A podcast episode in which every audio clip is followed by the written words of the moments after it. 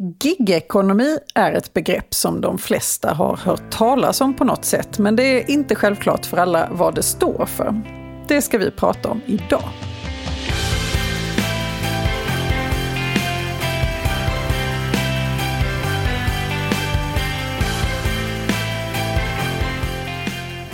Hej och välkommen till Arbetsrättspodden. Podden för dig som verkar inom HR eller hanterar personalfrågor i din vardag. I den här podden vill vi bjuda på nya infallsvinklar och dela med oss av vår kunskap för dig som arbetar inom HR-området. Jag heter Emelie Svensäter Jantorp och arbetar som advokat inom arbetsrätt här på Vinge. Och med mig idag har jag min kollega Daniel Melander Björner som också arbetar inom arbetsrätt här på vårt Malmökontor. Hej Daniel! Hej Emelie!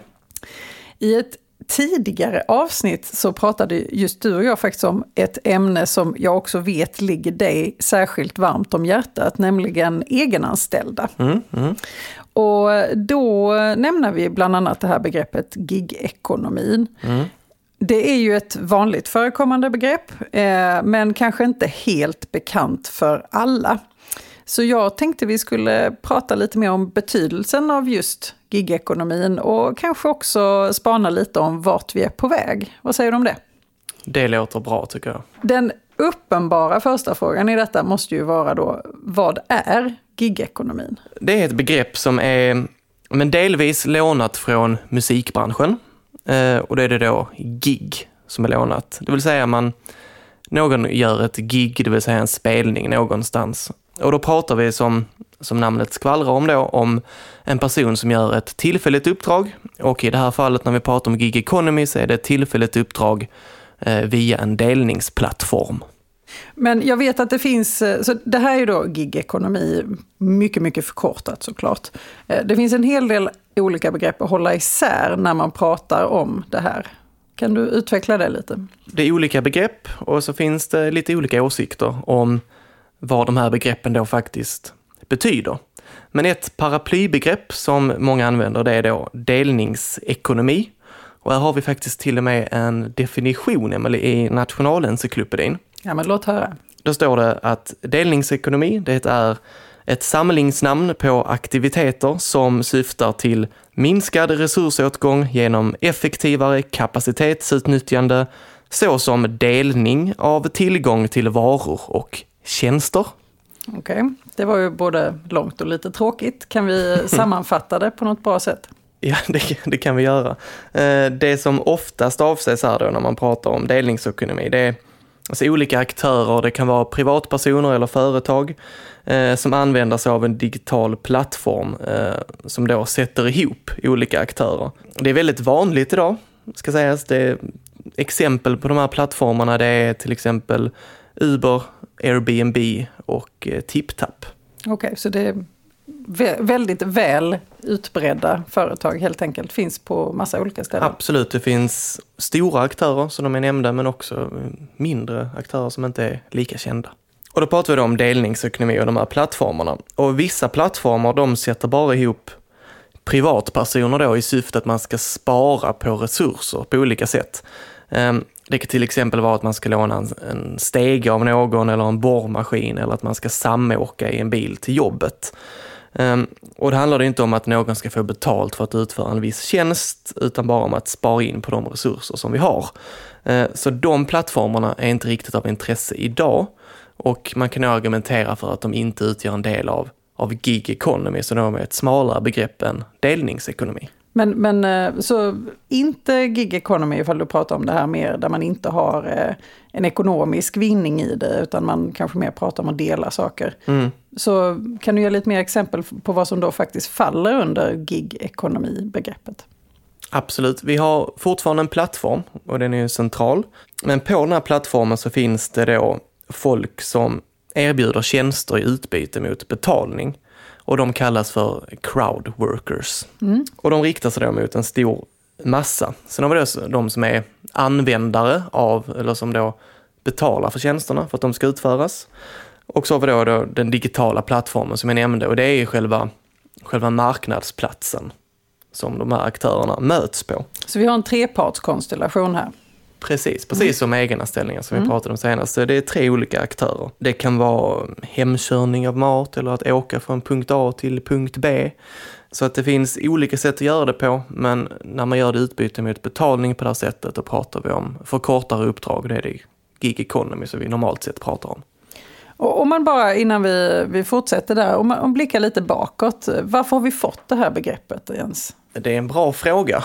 Vi kommer in på teknologins utveckling. Bara telefonen som både du och jag har nära oss, våra smartphones. En personlig spaning är väl egentligen att tidigare, alltså, precis som smartphones har möjliggjort att folk har kunnat skapa kontakt med andra människor på ett sätt via telefoner för att ha ja, men, över sin fritid, så har man också då kommit på att ja, men vi kan ju sätta ihop människor eh, via våra telefoner för att utföra arbete. Så att det är teknologins utveckling som har möjliggjort då ett nytt sätt att arbeta på eller ett nytt sätt att organisera arbete på.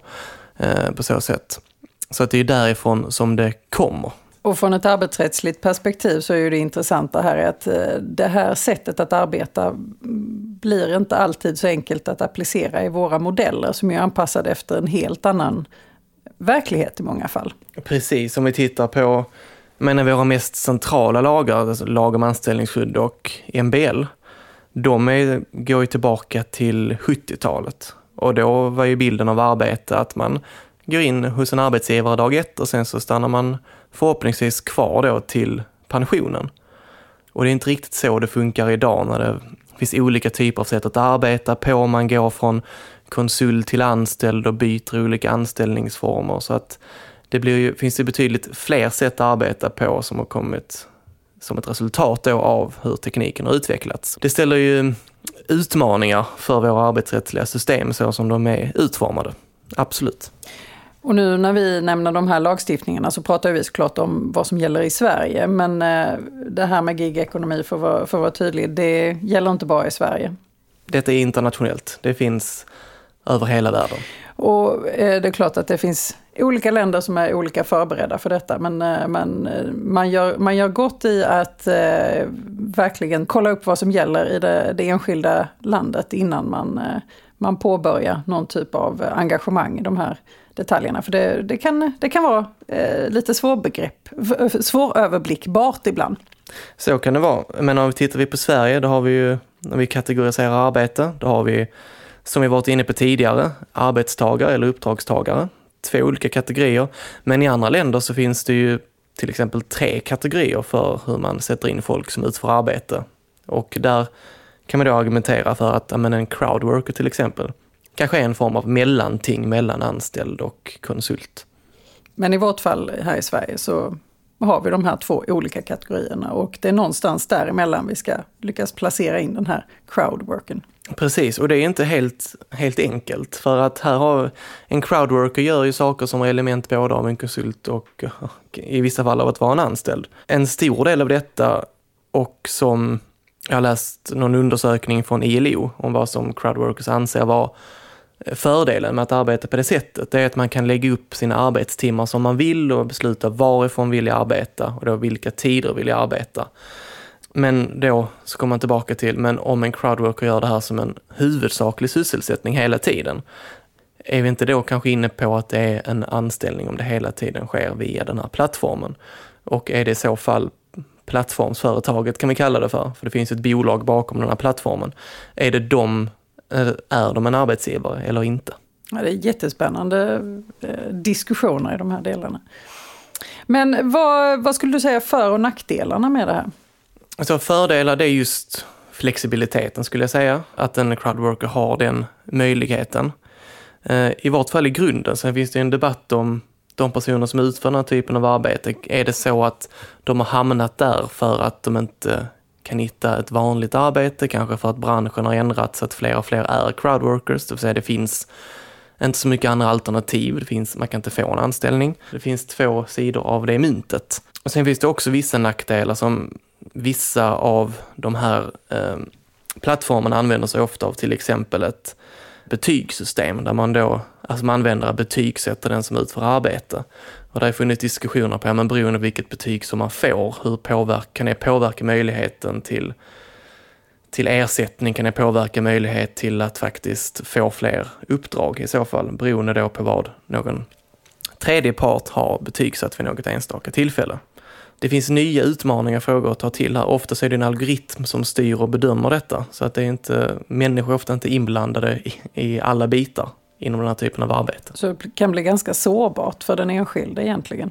Absolut. Och sen är det väl så också att många av våra eh, trygghetssystem i Sverige är uppbyggda efter fasta anställningar. Det blir stundtals lite svårt att applicera det på den här typen av anställningar. Absolut, är det. Och kanske inte bara egentligen våra arbetsrättsliga system, utan det kan ju vara möjlighet till att ta egentligen ett liv. Ja, men vill man låna pengar till en bostad till exempel, hur ställer sig banken till det om man inte har en fast anställning? Så att eh, när teknologin går framåt på det här sättet som det har gjort så är det ju, det uppkommer ju frågor lite här och var för de personer som faktiskt utför arbetet. Och arbetet är en viktig del av varje människas liv, så att det är klart att det, det, är ganska stora frågor för den enskilde. Så det finns fördelar och nackdelar med detta helt enkelt. Eh, och jag hör ju vad du säger, det är lite oklart för närvarande och passar inte riktigt in, det gnisslar lite i systemen. Men eh, har vi någon spaning framåt? Vart är, vart är vi på väg i den här delen? Eh, en spaning framåt är ju att man kanske kan diskutera vad är ett gig economy-företag? För det finns ju olika sätt att göra detta på. Det finns ju bolag som driver verksamhet via till exempel appar och folk som utför tjänster åt det, men där man har tecknat kollektivavtal. Och det är frågan, ja, men då har vi ju snarare, är det kanske ett vanligt företag i så fall, men där vi pratar om formen för eh, arbetets utförande, att det liksom håller på på det sättet att formas in i våra vanliga system. Eh, men en sak är ju att, som jag tror man kan vara ganska säker på, det är att det är här för att stanna i alla fall. Om vi tittar på de sysselsättningspolitiska mål som finns från EU till exempel, då ska ju länder gå mot det som kallas för flexicurity. Och då pratar vi ju om att man ska gå egentligen från att vi ska inte prata om anställningsskydd längre, utan snarare en form av sysselsättningsskydd så att man ska kunna vara beredd på att gå mellan olika arbetsgivare eller arbeta på olika sätt, men att man alltid ska kunna ha tryggad inkomst, antingen från sociala trygghetssystem, sociala ersättningssystem, eller då från, från arbete.